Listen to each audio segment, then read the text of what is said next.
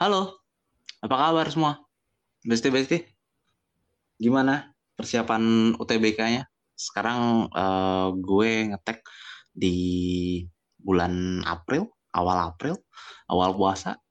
Gimana nih? eh, apa persiapan UTBK ketika puasa? Sebenarnya gue nggak tahu ya. Eh, kadang kalau puasa itu kadang bikin lo konsen, tapi kadang juga nggak bikin lo konsen. Gitu. Konsennya adalah lo nggak perlu mikirin makan gitu ya lo bisa konsen full tapi kadang juga karena makan lo akan lapar lo nggak nggak konsen. Hari ini gue nggak sendiri. Kalau lo cuma dengar satu orang doang. Hari ini gue bareng Diki. Halo Dik. Halo Dim, apa kabar lu? eh panggilan itu apa sih? Dik aja. oh iya. Gue kadang kadang misalnya orang namanya panggilan Diki itu kadang awkward cuy. Dik Manggil tapi nggak kebaca C-nya, jadi Dik. Hmm. Sebenarnya kita di sini eh, apa ya? Sebenarnya kemarin itu gara-gara salah satu thread ya, thread yang cukup terkenal, bukan terkenal ya, cukup ramai kemarin tentang apa ya? eh, tentang teman-teman mungkin tahu eh, apa eh, yang ramai kemarin tentang Creativox yang eh, intern. Jadi dia, jadi kalau misalnya gue mau ceritain, eh, apa ya? Jadi ada thread Twitter dari akun eh, inisial M ya itu ngebahas tentang calon intern dari eh, Creativox yang bilang bahwa dari ratusan calon intern Creativox hanya satu yang lolos seleksi. Terus eh, thread ini kemudian jadi isu karena yang diperbincangkan adalah syarat calon intern yang dituntut eh, kreatif. Namun ternyata konten-konten dari channel tersebut dianggap ya eh, meniru atau gue nggak mau bilang plagiat ya karena karena karena gini karena kalau misalnya bilangnya plagiat ya sampai sekarang pun nggak nggak di take down sama sama YouTube gitu. Eh, ada banyak konten yang eh, meniru atau terinspirasi dari eh, dari kayak channel-channel luar seperti Cut gitu ya ya biarpun gue juga nggak tahu ya Cut gue nggak pernah nggak pernah nonton juga Cut itu apa tapi kemudian eh Creative Fox ini kemudian eh, pokoknya sampai lumayan rame dan sampai orang-orang kemudian membanding-bandingkan sampai kemudian nah ini kan apa ya kan bisa dibilang ini blunder ya Dik ya. Yoi, bener banget. ya ini blunder nah gue tuh sebenarnya gara-gara blunder ini gue jadi inget bahwa obrolan kita itu dulu Hmm. eh, ketika mungkin teman besti besti bisa bisa bisa dengar ulang ya eh, apa eh, episode bareng Diki yang ilmu komunikasi yang jurusan ilmu komunikasi bahwa di komunikasi itu ada yang namanya manajemen krisis Yes, betul. Jadi kalau misalnya di kuliah lo itu atau di, di terutama di matkul manajemen krisis ini, Iya. ini eh, yang dialami oleh Creativox. Nanti nanti soalnya soalnya gue juga mungkin kita akan bahas sedikit ya. Iya. Soalnya eh, gue juga gue juga agak kurang setuju sebenarnya ketika eh, Creativox-nya tuh harus repot-repot gitu loh. Hmm, Tapi nanti kita kita bahas lah ya. Kita bahas. Kalau di mata kuliah lo yang kayak begini-gini bisa dis- dibilang krisis nggak sih? bisa dibilang krisis. Karena tuh kalau di mata kuliah gue, eh gue disclaimer dulu kali ya. Ini tuh berdasarkan yang gue pelajari aja, gue bukan expertnya gitu. Belum tentu sepenuhnya benar, jadi mungkin teman-teman listener bisa feel free buat ngekoreksi eh, atau mungkin nanti bantu-bantu nambahin kalau misalkan udah di-upload kali ya Dim ya. Eh, iya, eh, nanti nanti akan gua kasih eh, akun IG-nya, akun Twitternya Diki. Oke, ke sana aja, ya, jangan ke kami. dia dioper dong. Ya iyalah, lu lu ngomong. Iya sih, bener juga ya. Ini kan gue diundang tapi. Nah, oke. Silakan diskusinya, nanti diskusinya gue tag aja lah, gue Nah. tag tag aja lah ke ke Diki. Jadi kalau yang gue lihat sih, ini masuknya udah ke krisis dim. Hmm. Karena apa yang diutarain sama si inisial M ini dalam sebuah thread itu Hmm. munculin kemarahan publik gitu. Kan dari yang lu lihat threadnya tuh langsung dapat respon negatif banyak banget kan. Lu ngikutin dari awal itu Hmm. threadnya kan. Padahal sebenarnya ternyata kan biasa aja. Threadnya biasa aja sebenarnya. Tapi mau dibilang tapi dibilang biasa aja juga enggak din. Karena kalau dari tone-nya, lu nyadar nggak sih kalau tone yang dia bawa di awal tuh dia kan ngomong dari ratusan calon interpretif hanya satu yang cukup layak lolos seleksi. Itu tuh Iya kayak iya betul tuh. Creative Fox posisinya gue tuh di atas banget. Cuman orang Padahal padahal itu intern gitu loh, magang. iya, ini tuh magang gitu kayak bukan seleksi yang apa full time atau tenaga kontrak tapi itu dibikin mungkin di sini dia tuh mau nunjukin kalau Creative Fox ini gue ini oke okay banget nih perusahaan ini oke okay banget gitu. dari tonnya ya dari tonnya dia ya bukan bukan dari mungkin bukan dari Creative Fox-nya ya ya bukan uh, ini gue udah satu-satu kali ya dari yang dari awalnya dulu nih terus dia bilang kan hmm. kebanyakan dari mereka gagal menceritakan. Tonnya negatif lagi karena dia pakai kata gagal gitu. gagal menceritakan tentang identitas diri dan keahlian yang mereka miliki. Itu jadi awalnya mungkin emang lu pasti paham lah orang tuh pengen tulisannya dibaca dengan bikin sesuatu hmm. yang di awalnya udah cetar banget gitu. Ya kalau zaman sekarang namanya clickbait. Bait bener. Tapi sayangnya menurut gue di awal ini justru ini bikin ma apa dia tuh pengen nunjukin. Kreatif tuh oke okay banget. Terus kayak ya dikit lah yang bisa masuk ke kreatif cuman yang oke okay banget hmm. gitu nah, yeah. satu malah dia bilang uh -uh.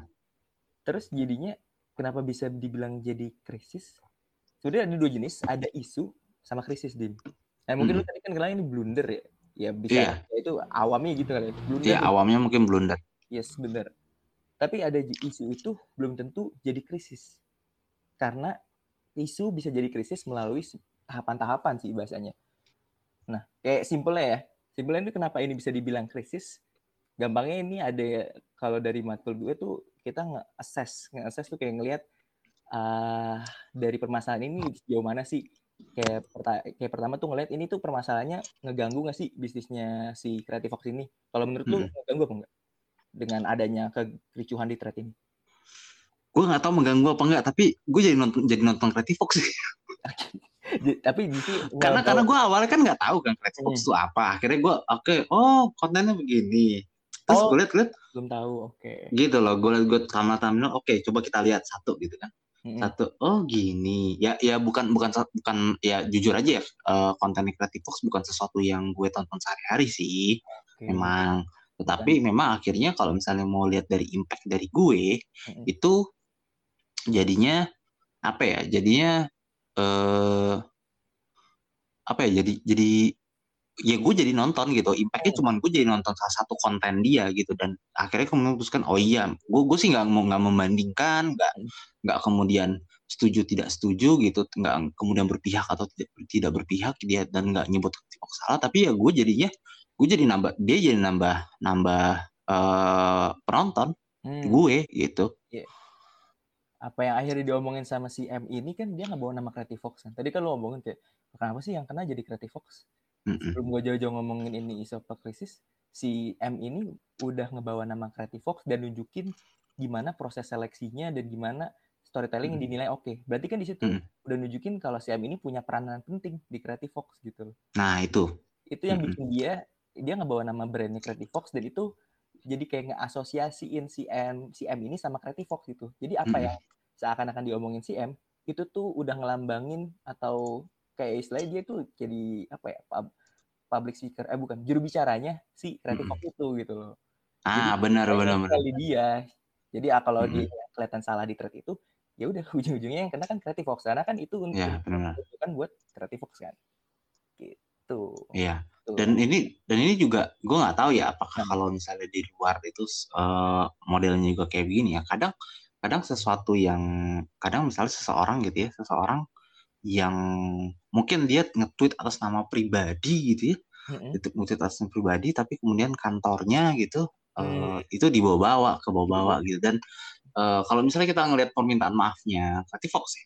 Yeah. Kita ngelihat permintaan maafnya Creative Fox, gue terus dia nulis begini.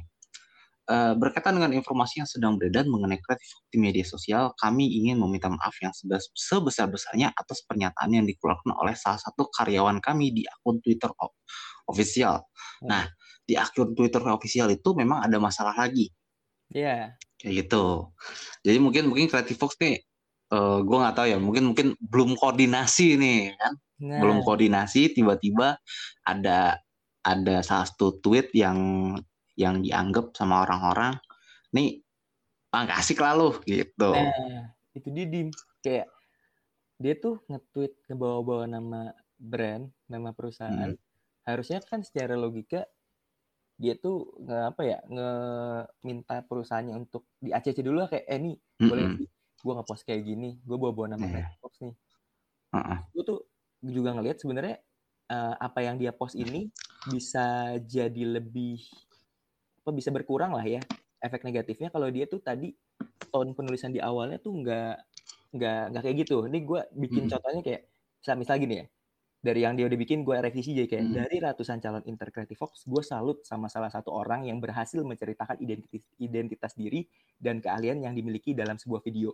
berikut beberapa strategi storytelling untuk kreatif video konten yang mungkin bermanfaat bagi kalian nah Gimana? mungkin mungkin tahunnya akan lebih soft ya lebih soft kan ini nggak nggak hmm. nunjukin kayak kreatif Foxnya oke okay banget dan tapi dia lebih ke sharing sharing yeah, kalau yeah, ini loh strategi storytelling yang gue temuin hmm. dari salah satu calon intern di yang mau masuk Creative Fox hmm. yang itu siapa tahu bisa bermanfaat gitu bagi orang-orang yang baca. Hmm. Dan eh, yang gue ini lucu, ini bagi gue makin lucu lagi adalah makin makin lucu lagi adalah uh, kemudian Creative Fox menyatakan bahwa uh, saudara berinisial M itu bukan bagian dari Creative Fox dan tidak memiliki aliansi afiliasi dengan apa pun dengan kami. Terus kok dia, siapa? dia tahu video-video internnya? Gue gue nggak ngerti, gue nggak ngerti sampai tahap situ. Tapi mesti kalau misalkan kita lihat dari ini ya tadi ya Dimi, tuh hmm. was-wasan kayak gitu tuh, thread kayak gitu tuh, gue ngeliat lebih cocok tuh buat di LinkedIn gak sih? Style? Eh, uh, gue kurang tahu ya. Oh, Tapi pernah pernah pernah pernah apa ya? Pernah ngelihat semacam hmm. gitu sih. Cuman memang bedanya adalah uh, dia memang tidak bawa brand. Kalau gue sih kesalahan pertama dia bawa brand gitu aja. Yeah. Gitu dan kebetulan brandnya ini uh, agak dianggap bertentangan lah sama netizen. Hmm. Gitu. Kan dalam arti uh, konten lo kayak gini kok lo nuntut kreatifnya segitunya gitu loh. Iya, itu kan. Jadi makanya makin dikulitin kan. Ini tuh kayak mantik dari bahan bakar yang udah tersedia gitu tuh dari daftar inventaris masalah yang udah di kreatif kreatif Fox punya netizen hmm. udah pegang tiba-tiba muncul ini set udah kebakar semua jadi iya dan ya netizen sesuai dengan ketahanan konten kan hmm. memunculkan lah uh, tweet-tweet lama kreatif Fox hmm. Gile, gue tuh salut banget sama orang-orang yang kalau ada isu terus dia dia nge-scroll tweet lama. Menelam ya bahasanya, menelam. Itu gile loh.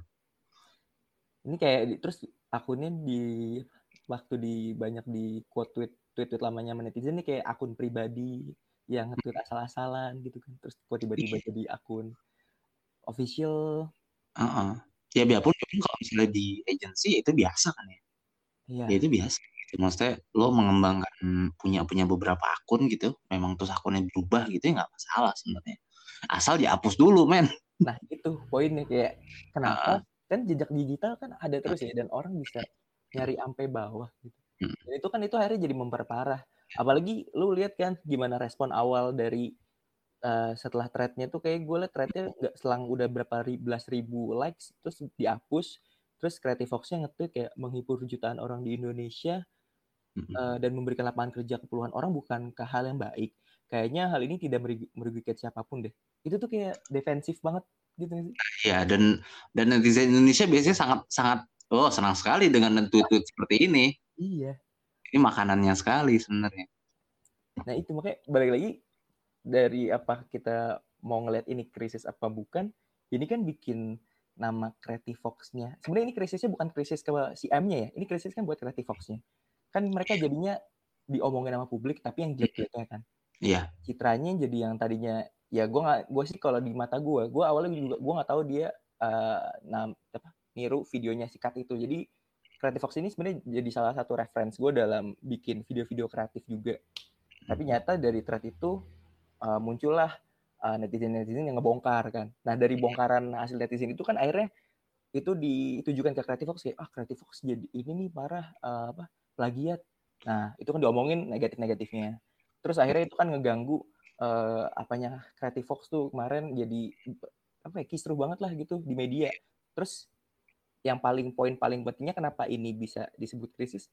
Ya dia dari yang tadinya cuma di Twitter kayak hebohannya masuk ke media-media mainstream kan, masuk ke media-media kayak di Line Today ada beritanya, di portal iya, online kan rame kan bisa cek. Iya. Makanya itu bisa masuk ke krisis nah, namanya. Kepikiran jadi maba, gue sih gak kepikiran karena meniru satu podcast atau satu tapi, tapi, tapi ada ada ada ada konten-konten sejenis tuh ada eh itu banyak ya sih iya konten-konten sejenis tuh ada kayak gitu jadi mungkin nanti mungkin kalau misalnya Hmm. tiba-tiba gue nggak tahu ya mungkin tiba-tiba eh, jadi maba blunder gitu ya jadi maba ada krisis kayak Creative Fox gitu ya. Hmm. gue lagi mikirin gimana gue membela diri ya Sebenarnya itu tuh ada caranya. Kayak harusnya tuh dari company bikin perusahaan nih. Dia tuh udah mikirin cara untuk nge-prevent krisis sama untuk nanganin kalau udah kejadian penanggulangan gitu. Ada tindakan preventif, ada ada tindakan eh, apa ya? Gue sebutnya penanggulangan aja lah ya. Kalau udah terjadi sama belum terjadi. Kalau belum terjadi, ini harusnya ini kayak gini-gini bisa dicegah dengan orang-orang atau karyawan yang mau ngepost segala sesuatu yang berkaitan sama perusahaan itu harus lewat ACC dari CPR-nya Creative Fox kalau ada. Atau Hmm. enggak orang-orang penting di board of director Creative Fox lah. Paling enggak lo izin gak sih kayak eh kak atau eh siapa kayak eh, pak bu siapa kayak panggilan yang di situ gitu ya. Gue mau ngepost nih tentang Creative Fox kira-kira kayak gini oke nggak? Dilihat gitu kayak aman nih udah lu post gitu. Kan enak kan kita nggak tahu nih proses dibaliknya dia tuh pakai ACC apa enggak gitu tapi kalau misalnya ternyata udah di ACC dan ya, ya udah hasilnya kayak gini berarti mereka nggak berhasil mengidentifikasi threat itu sebagai ancaman Hmm, ya. Ya, kalau gue bilang sih, kalau misalnya gimana ya, kalau misalnya tiba-tiba gitu ya, tiba-tiba kayak eh jadi maba, Hmm. nih plagiat, Hmm.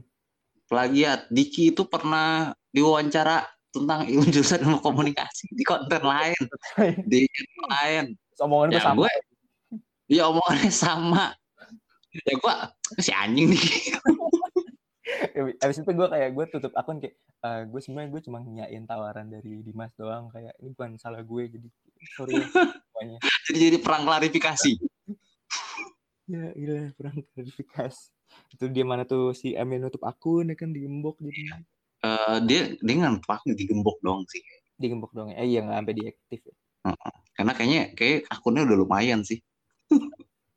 emang iya gue liat kayak followernya nggak nggak sebanyak itu ya maksudnya mungkin mungkin dia dia ya taruhlah Hmm. itu tuh banyak banyak yang ya akun gimana sih ya kayak akun kesayangan gitu loh hmm ya yeah. paham paham nah kalau misalnya Hmm. kan ini kan masalah gini eh gue nggak tahu ya gue nggak bayangin ya gue nggak bayangin betapa capeknya orang-orang creative fox gitu ya ketika dia diperma akhirnya dipermasalahkan. Hmm. tapi awalnya tuh bukan dari dia gitu loh tapi dari orang yang lu siapa men? Gitu loh. Iya iya ngerti. Lu pegawai gue bukan. Tapi Eh, emang, emang udah fix bukan pegawainya dim ya dia bilang di di pernyataan pernyataan maafnya kan dia bilangnya eh, bahwa saudara M itu bukan bagian dari Creative Fox dan di per- permohonan maaf Creative Fox tuh dia nggak minta maaf atas, dia tidak minta maaf atas pernyataannya si M tapi dia minta maafnya adalah pernyataannya tweetnya Creative Fox gitu hmm.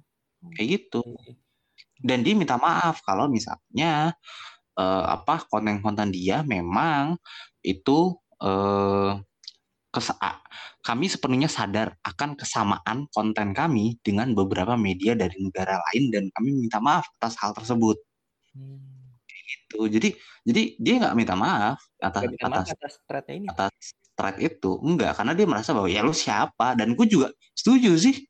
Ketika kalau misalnya ada orang misalnya Diki gitu Diki ngomentarin eh, jadi maba gitu ya. Hmm. ya lu siapa Dik gitu loh. Iya nggak sih?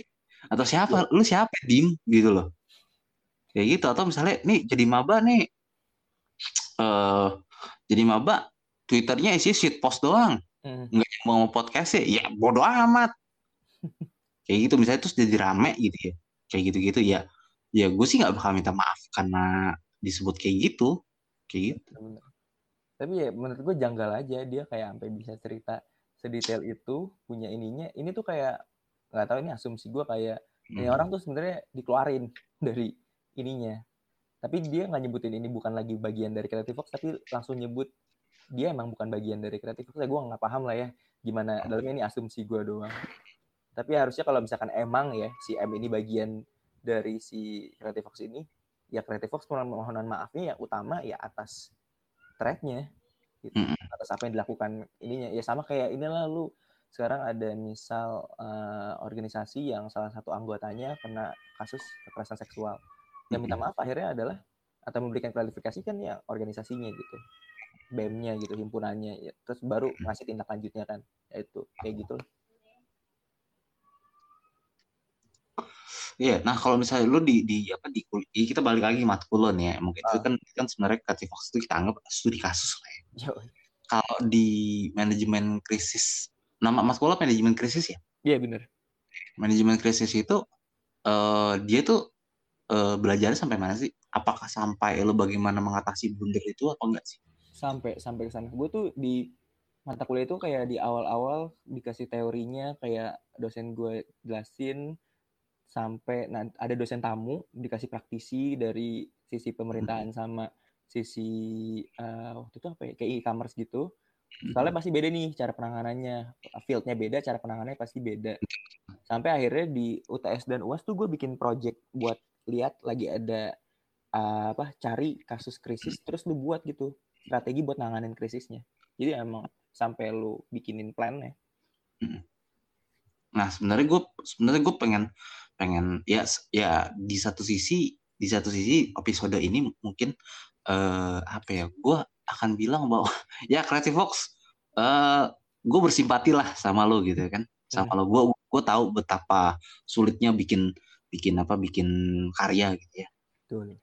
karya karya yang punya karya yang uh, modifikasi dari luar dari media luar atau modifikasi yang sudah ada aja itu susah gitu loh. Apalagi lo bikin original gitu. gue sih mengakui gitu. susah itu. Kayak gitu. Jadi ya sebagai sama content creator alah sedap. Ini ah, tadi lirik yang kreatif Fox juga. Ya tolong ini kreatif Dimas direkrut. Jangan nggak cocok gue. Gue nggak cocok. Mohon maaf kreatif Fox mungkin mungkin kita beda jalur sih ya beda jalur. Gue gue sih gue sih nggak suka nembak nama agama orang sih. Uh, uh, uh. belum di approach aja udah ngasih re rejection letter ya lo ya? Nggak nggak nggak gue gue nggak suka nembak nembak nama agama orang. Gue nggak suka. Gak. tapi itu tapi itu itu konten konten dia paling paling banyak itu viewernya paling rame kan ya, paling rame itu sih ingat gue gitu nah uh, balik lagi ke manajemen krisis iya. kalau misalnya uh, ini udah terjadi lah, udah terjadi. Hmm. Terus biasanya tuh ngatasin krisis secara general ya, secara garis besar ya, bukan bukan kita ngebahas kreatif fokusnya. Iya. Tapi secara garis besar tuh kayak apa? Pertama lu lu tuh krisis itu tuh bisa terjadi kapan? Jawabannya adalah anytime. Kapan aja hmm. bisa. Ini kan kayak lu gak duga kan kayak tiba-tiba lah jadian aja gitu. Terus iya, gue lagi lagi enak-enak puasa, ya kan gue gue lagi lagi mungkin gue lagi bukber ya kan lagi lagi makan sop buah eh, tiba-tiba ada apa ini ada apa ini karyawannya panik gitu. apa tiba-tiba jadi terus kok tiba-tiba kita di mention terus iya, iya, rame kan nah, terus kalau buat kalau misalnya udah jadi gitu ya kan kali konteksnya ini hmm. mungkin nggak ngebahas kreatif tapi secara general aja ya. Pertama lu terus lihat gitu ngeidentifikasi gitu. Masalahnya tuh apa sih sebenarnya cari tahu sejauh apa gitu permasalahan ini kayak ini lagi ngomongin lagi ngomongin apa sih krisis ini terus kayak nge-address kira-kira krisisnya tuh dampaknya bisa kayak gimana ya yang terjadi. Hmm. Nanti kan misalnya kita lihat ya kita pakai contoh yang lagi dibahas sekarang kayak kayak identifikasi hmm. situasi awalnya krisisnya bermula dari thread ini. Terus hmm. ada muncul respon netizen yang tiba-tiba hmm. ngaitin ke konten-kontennya Creative Fox. Kan menyebar kan?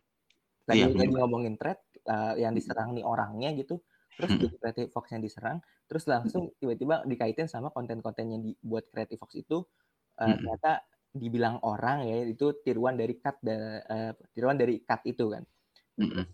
ya udah dari situ tuh udah ngelihat dampaknya udah terjadi sejauh mana terus lu baru nge bahasanya nge gitu buat ngelihat ini tuh isu apa krisis. Kayak ini dari salah satu jurnal yang gue baca tuh ada empat sih di caranya. Dari hmm. empat pertanyaan doang. Simple. Yang pertama kayak ini kejadiannya tuh ngeganggu uh, berpeluang mengganggu si bisnis perusahaannya enggak kalau dia hmm. mengganggu jawabannya krisis. Hmm. yes jawabannya krisis. Kedua kalau misalkan ini bisnisnya ini eh sorry ini uh, insidennya itu melibatkan ini enggak ada yang menjadi korban jiwa enggak Kalau enggak, Hmm. itu berarti masih isu. Jadi itu ada dua di ada isu sama Hmm. krisis. Nah, ini mungkin setelah ini gue jelasin kali ya. Terus yang ketiga, ini insid- insidennya tuh berpotensi nggak sih ngeganggu segala kegiatan ruang guru? Eh ruang guru cek sebentar. Jadi catatan gue soalnya ada namanya itu. Berpotensi di ruang guru ya? Mohon maaf nih. Berpotensi nggak sih ngeganggu jalannya bisnis uh, perusahaan itu? Kalau iya itu krisis. Dan yang terakhir ini paling gongnya sih kayak ini ti ini uh, kejadiannya nge-attract atensi media nggak sih? Masuk nggak sih ke media-media? Kalau iya Hmm. jawabannya iya krisis. Jadi dari empat pertanyaan itu kalau misalkan jawaban mayoritasnya adalah iya ya itu masuknya krisis. Kalau mayoritas jawabannya no ya itu masih isu. Gitu, Hmm. di Oh gitu ya. yoi. Nah Stes, nah da- dari situ dari kan lu gak cuman mm, nyatain ini krisis atau enggak gitu kan? Hmm. kan lu harus selesain dong. Lu punya betul, masalah kan gak diselesain gitu kan kayak lu bikin orang kesel abis itu lu diemin gimana ceritanya Nggak Kayak gue sih gue diem sih biasanya. Lu mesti diemin Diemin aja. banyak yang gitu sama lu berarti Nanti juga nanti juga bahas yang lain nanti ya. Nah, tapi itu emang sebenarnya bisa masuk ke salah satu strategi sih, Dim. Tapi kan ini da- dari asas itu kan kita bisa jadi ngelihat ya strategi yang cocoknya kira-kira apa. Karena Hmm. nggak setiap krisis itu strateginya sama. Hmm. Dulu situasinya. Nih situasinya kan publiknya marah. Mm-mm. Terus publik juga udah mulai bawa-bawa ke hal yang lain. Ya Hmm. satu-satunya cara buat ngeredam emosi publik ya minta maaf secara genuine gitu. Mm-mm. Nggak ngedefensif tapi ya udah minta maaf aja. Mm-mm. menurut gue langkah yang Creative Fox buat ya itu udah cukup baik lah kayak oke langsung cukup cepat lah ya bikin permintaan Iya. maafnya gitu walaupun habis itu eh, resikonya ya kena rujak lagi kayak itu kan ada yang komen kayak ini coba cari kat pernah ini nggak blunder gak siapa tahu permintaan maafnya kopi juga nih ingin lah gitu ya. Terus ini, ini kalau nggak salah tweet yang itu juga balasan itu dibalas lagi sama Creative Fox terus Creative Fox bilang enggak bang. nggak bang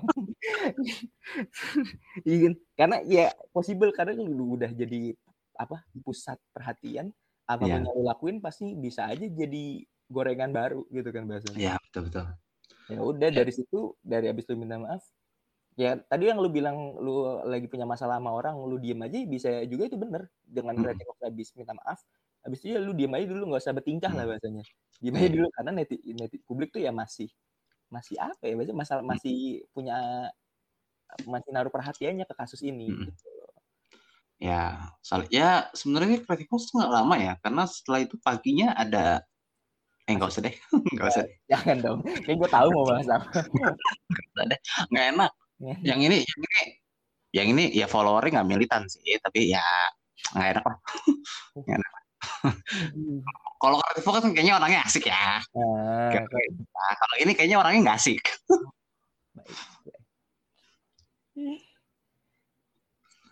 Ya, nah tapi, nah kalau misalkan ada beberapa macam nih, kan dulu ada tuh satu brand gede, yang gede banget lah. Mm-mm. eh, satu brand gede itu eh dia eh, punya kasus juga, blunder juga. Blundernya cukup parah menurut gue. Dan dia menyelesaikan dengan giveaway. apa nih brand yang mana nih Eh anjing lu pengen banget gue yang nyebut. Enggak dong, maksudnya inisial dong. Gak bisa apa? Maksudnya, Ya inisialnya ya adalah, adalah brand gede lah, brand gede. wah warnanya oranye. Ya anjing. Iya bisa jadi apa kayak warna oranye nggak spesifik lah ya. iya sih. Ya itu kan tapi kan ada gitu kan yang yang, yang kemudian dia ngasih giveaway gitu kan. Ngasih Iya. Giveaway, giveaway lumayan lagi. Hmm, Itu pernah gue bahas lagi di matkul gue, gue jadiin topik UTS gue. Nah, itu sebenarnya sebenarnya ada nggak sih eh, sejauh mana sih efektivitas? Giveaway. Mm-mm. Giveaway itu bisa jadi salah satu strategi Mm-mm. asalkan asalkan lu tuh udah nge ngatasin masalah utamanya. Kalau giveaway kan kayak itu buat numpuk dari tagar-tagar yang negatifnya gitu kan. Sedangkan kalau dari kasus yang kemarin, ya yang tadi gue udah bilang yang warna orang itu dia tuh nggak ngasih kalau dari yang gue lihat ya dari yang gue tahu juga nggak ngasih respon secara officialnya gitu dari akun officialnya. Mm. Jadinya tuh seakan-akan kasusnya Iya, terkait diselesaikan gitu. Kenapa? Terkait masalahnya. Iya, gitu. Jadi kayak langsung aja ditumpuk giveaway gitu ya supaya publik lupa. Tapi kan jadinya itu malah menurut gue malah jadi numpuk masalah. Mm-mm. Nanti ketika ada amit-amit gitu ya kena krisis Hmm. lagi, masalah yang lama belum kelar itu di- bisa diungkit lagi. gitu jadi kayak giveaway itu cuma nutup kesalahan yang sekarang tapi kesalahan berikutnya itu bisa digali lagi Oke, manajemen krisis. Nanti lo siapin red card ya. Kali aja ntar ada yang konsul. Oh, konsul ya Allah. Iya. Maksudnya ya gue nunjukin, maksudnya di, di episode ini kan nunjukin bahwa uh, ya anak komunikasi bisa cuy, memang dipelajari. Gitu. Iya sih, ya dibekelin itulah mm -hmm. semester. Iya kayak gitu. Jadi jadi sebenarnya gue pengen nunjukin sebenarnya gini, lebih kepada ini mungkin geser-geser kenapa jadi maba bahas ini ya. Hmm. Uh, lebih kepada uh, bahwa di mata kuliah gitu ya di mata kuliah ilmu komunikasi itu ada yang kayak gini gitu loh. Hmm. Ada dipelajari hal-hal seperti ini yang yang sebenarnya sebenarnya uh, bisa ditanggulangi dengan baik gitu. Jadi gue gue sih sebenarnya pengen nunjukin bahwa nih ada anak komunikasi jago nih gitu loh. Aduh, aduh ntar senior senior gue kayak ih si paling paham nih enggak ya bang ya. ya bang kalau mau paling paham sini ngobrol. Dia uh, kita kita belum tahu nih ada senior orang nggak di, di Fox. eh, gue nggak tahu ya, tapi setahu gue tuh ada malah bukan senior ada ada kelas gue anak kom intern di sana gue liat di salah satu videonya. Mm -hmm. Oh gitu iya dia ada ada lah ada salah satu videonya. Itu mm -hmm. itu, itu muncul di di apa di tweet gua gitu. Ada teman gua juga yang uh, lagi ngomongin itu. Oh, oh. terus kayak oh ada juga yang intern di sana gua baru tahu. Oh iya tapi kalau intern di sana berarti nggak itu mata ya? Iya ya gua nggak tahu. Ya Creative Fox makanya nih hire lah satu nih anak komunikasi di itu kenapa jadi di sini? Ya, ya oke. Okay. boleh kita ngobrol-ngobrol dulu gitu ya apa Tetap buka jasa konsul. Ada yang bisa diiniin, dikerjain bareng. Ada yang bisa dibanting? Ya, waduh. ngeri, ngeri. Ya, tapi kalau misalnya ngomongin balik lagi ngomongin ya krisis atau misalnya ya bahasa awamnya blunder lah ya. Biarpun, biarpun sebenarnya gue sekali lagi Creative Fox bagi gue, menurut gue Creative Fox tuh nggak blunder. Oke. Okay. Yang blunder itu kan adalah orang itu. Iya orang itu yang yang kita nggak tahu lah afiliasinya tuh apa benar nggak ada afiliasi atau gimana biarpun biarpun gue mungkin juga menganggap bahwa dibilang tidak ada afiliasi mungkin tidak tepat juga ya hmm. karena kok tidak ada afiliasi tapi uh, tahu semua semua video calon intern ya, gitu. kan ya kayak gitu jadi uh, mungkin karena karena karena ya yang apa yang apa yang kita lihat aja gitu ya hmm. nah kalau lo bilang tadi gue gue kita belum belum sempat terlalu detail bahasnya. Hmm. Uh, Creative Fox nih karena karena seseorang karena seseorang hmm. yang memang kebetulan bawa nama bawa yeah. nama gitu ya bawa nama Creative Fox. Kan Creative Foxnya kan sebenarnya tidak tidak uh, kan bisa aja kan Creative Foxnya diem gitu. Tapi menurut lo sebagai seorang komunikasi ya, kenapa sih uh, Creative Foxnya harus minta maaf? No. Atau yang dia turut klarifikasi? Oh, Iya, itu tadi si orang ini, si M ini udah bawa-bawa nama brandnya gitu. Yang mana kan udah nunjukin kalau dia salah satu orang penting di dalam Creative Fox itu yang punya peranan untuk menyeleksi kan. Dan bisa lihat-lihat semuanya. Uh-huh. Kalau misalkan dia nggak punya keterkaitan, ya harusnya Creative Fox juga ngelihat gitu. Ini thread ini tuh berpotensi, uh-huh. udah ngelihat berpotensi negatif. Dari situ dia harusnya nggak usah nunggu waktu lama buat komentar. Misalkan kalau emang itu bukan orang bukan orang hmm. mereka ya, bukan karyawan mereka ya, hmm. quote tweet dari threadnya bilang kayak hmm. thread ini tidak uh, memiliki afiliasi apa pun dengan Creative Fox. Kalau hmm. sampai situ dia udah ngelakuin itu ya selesai. Kan masanya udah sampai rame, terus tiba-tiba Creative Fox di uh, dituduh berbagai macam, malah dia tiba-tiba nge kayak membuka lapangan pekerjaan untuk bla bla bla bla kok hmm. ini ya dibilang salah ya. Nah, yeah. dia malah bikin permasalahan yang lain gitu loh. Hmm. Yaitu balik lagi tingkah laku kita sebagai bagian dari sebuah company itu itu bisa jadi image-nya company juga gitu loh. Makanya hati-hati banget kalau misalkan lu sama kerjaan lu di terus lu orang tuh tahu lu kerja di di mana gitu di perusahaan apa gitu ya. Yeah. Itu bertingkah laku aneh di mungkin melakukan sesuatu atau lu ribut sama orang-orang orang di jalan gitu. Yeah. Terus orang tuh tahu lu tuh bagian dari karyawan ini, ya eh, bagian dari perusahaan ini. Ya perusahaan lu juga ini akan akhirnya wah nih si Dimas karyawan dari perusahaan ini uh, ribut di jalanan dengan ini ini ya kena kan perusahaan lo akhirnya yang harus Betul. minta maaf nutupin Hmm. kesalahan lo Iya, iya. Ribet ya? Iya, ribet kan emang. Hati-hati nih jadi maba nih sama orang-orang. Kalau makin gede nih orang-orangnya yang harus dijaga tingkah lakunya. Oh, jangan dong. Jadi Mama juga buat portfolio gue. Oh iya makanya lu juga jaga jaga diri gitu kan punya inilah eh, apanya eh, cara-cara preventifnya lah. Ya sesimpel yang tadi gue bilang aja dim kayak kalau misalkan lu bagian dari suatu perusahaan kalau mau nge-share sesuatu yang berkaitan sama perusahaan ya diomongin dulu dikomunikasiin dulu Hmm. gitu udah layak Iya. nggak sih di, di iniin dilempar ke publik publik kalau yang sesuatu dilempar ke publik kan udah nggak Hmm. bisa expect respon publik kayak apa Ya. Masalah jadi maba, kalau gue nge-tweet, minta ACC sama siapa? ya? Yang ACC gue. lucu lagi. Adip, Adip, Adip, Adip, tanya Adip kayak ini Adip nih secara penulisan bahasa Indonesia ini udah baik dan benar. Adip sama gilanya. Ya ampun kasihan. Adip sama gue kalau misalnya itu, Adip sama gue, Dip, gue biasa ya, kalau misalnya, Dip, Eh. kata Titi gimana, bahaya gak menurut lo? Gas. Emang beda deh. Tur. Tapi ya, kalau kita sih apa sih? Ya, ya. Sih, eh, tapi gue gue gue sih eh, ngelihatnya ngelihatnya eh, lebih ngelihat lebih ke ngelihat ini ya, ngelihat eh, matkul lo sih sebenarnya. Makanya Hmm. makanya kita bahas ini. Iya, iya. Matkul lo itu memang soalnya gue gue dari awal kayak eh, ini ini sesuatu yang sebenarnya sangat berharga gitu ya, sangat berharga untuk di di apa ya?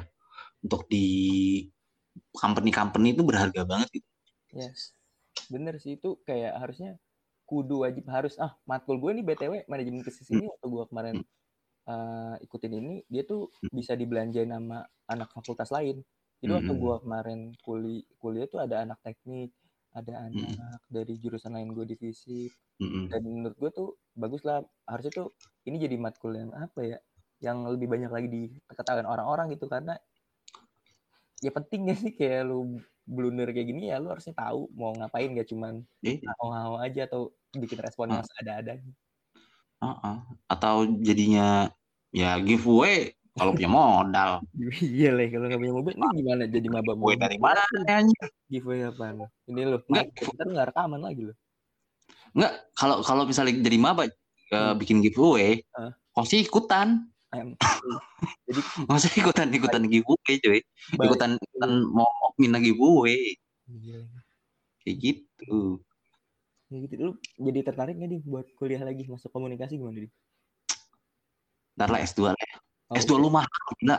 Mahal. Aduh, lu bikin petisi penurunan harga. Ya Bapak UI kagak mau ngasih beasiswa nih. Saya. Iya, coba emang ditanya sama bapak UI-nya, emang lu bisa ngapain? Jadi Bapak, lu udah pernah denger belum? Lu langsung tunjukin portofolio ini pak, udah lama Iya, tulis ini. Pak udah lama. Tapi tapi eh, ya secara kesimpulan berarti manajemen krisis itu penting lah ya.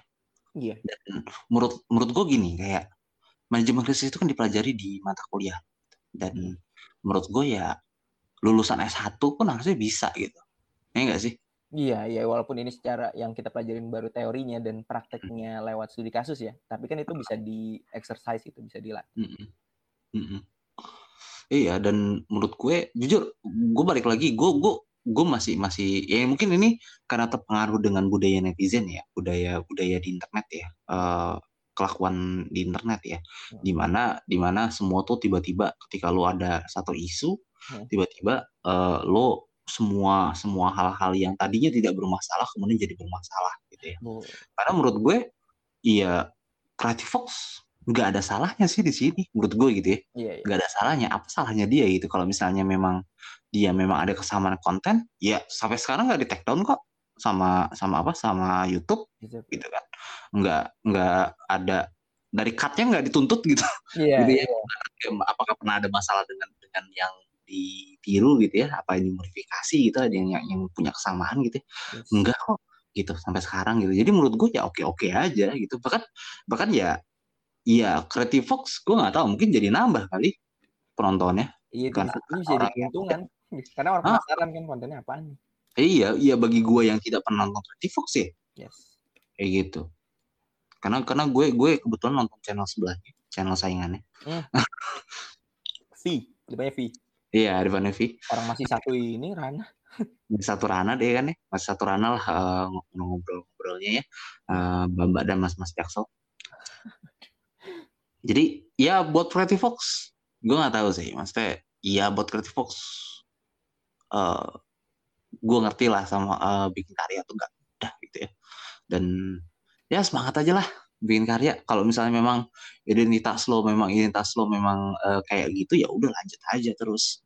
Toh juga toh juga kalau misalnya pun yang apa ya kayak kalaupun berkurang nggak bukan berkurang karena tweet itu gitu loh.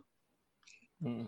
Ya, Dan kalau misalnya gue udah nonton Creative Fox sebelumnya terus ternyata dia gue baru tahu gitu kan bahwa dia tuh banyak eh, kesamaan dengan konten lainnya ya gue sih nggak masalah Yes. Iya. ya kan gue sih nggak masalah ya emang kenapa ya ya gue senang nontonnya gue tonton Nah, jadi itu poinnya itu sampai situ aja. Selama, lu Ah, suka, lu- selama lu suka, ya udah nonton.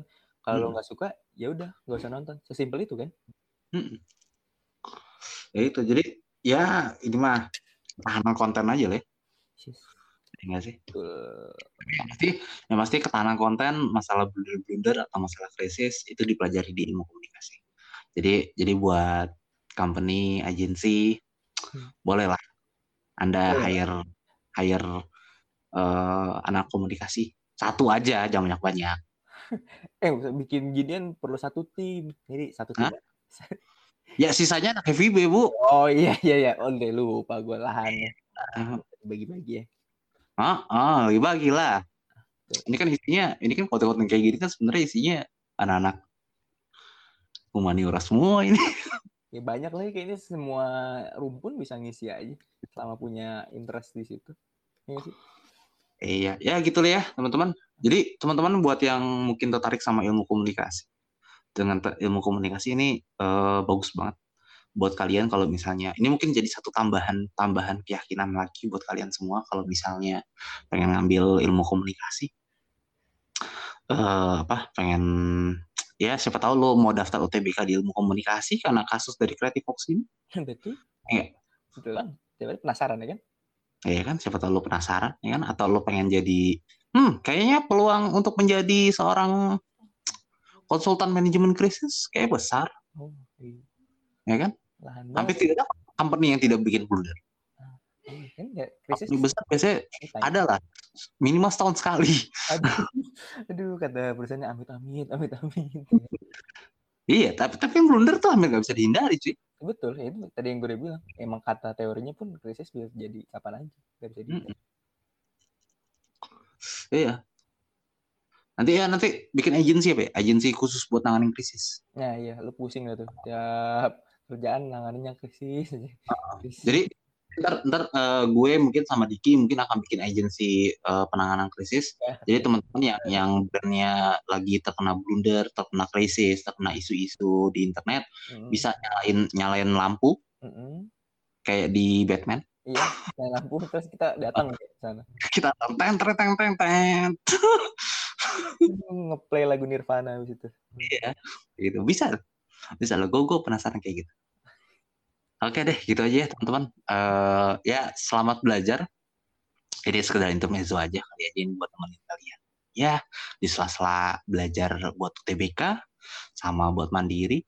Semangat buat teman-teman. Eh buat yang eh, belum follow jadi Maba underscore Edi di follow boleh.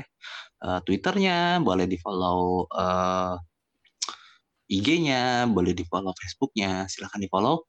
Eh kalau mau, kalau enggak ya apa-apa ya. Nggak usah Jadi- ya. Ya jadi ntar kalau blunder nggak ketahuan banget. Wah, itu dia.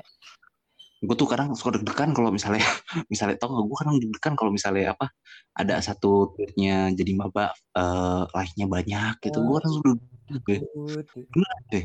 gue kadang suka deg-degan Emang itu- ya ketakutan menjadi iya tapi satu sisi juga pengen gitu engagement tinggi Ya, tolong lah nih eh, pendengar-pendengar diramein biar Dimas merasakan ketakutan tapi senang juga ya. oke deh terima kasih teman-teman Eh Sampai jumpa di episode berikutnya. Jaga kesehatan, uh, terus belajar dan ya pokoknya jangan jangan terlalu dipusingin lah sama internet. Ya. Jangan main Twitter mulu ya. Benar. jangan sampai nah, Jangan di main mulu ya. Itu oke deh. Bye bye semuanya. Bye bye.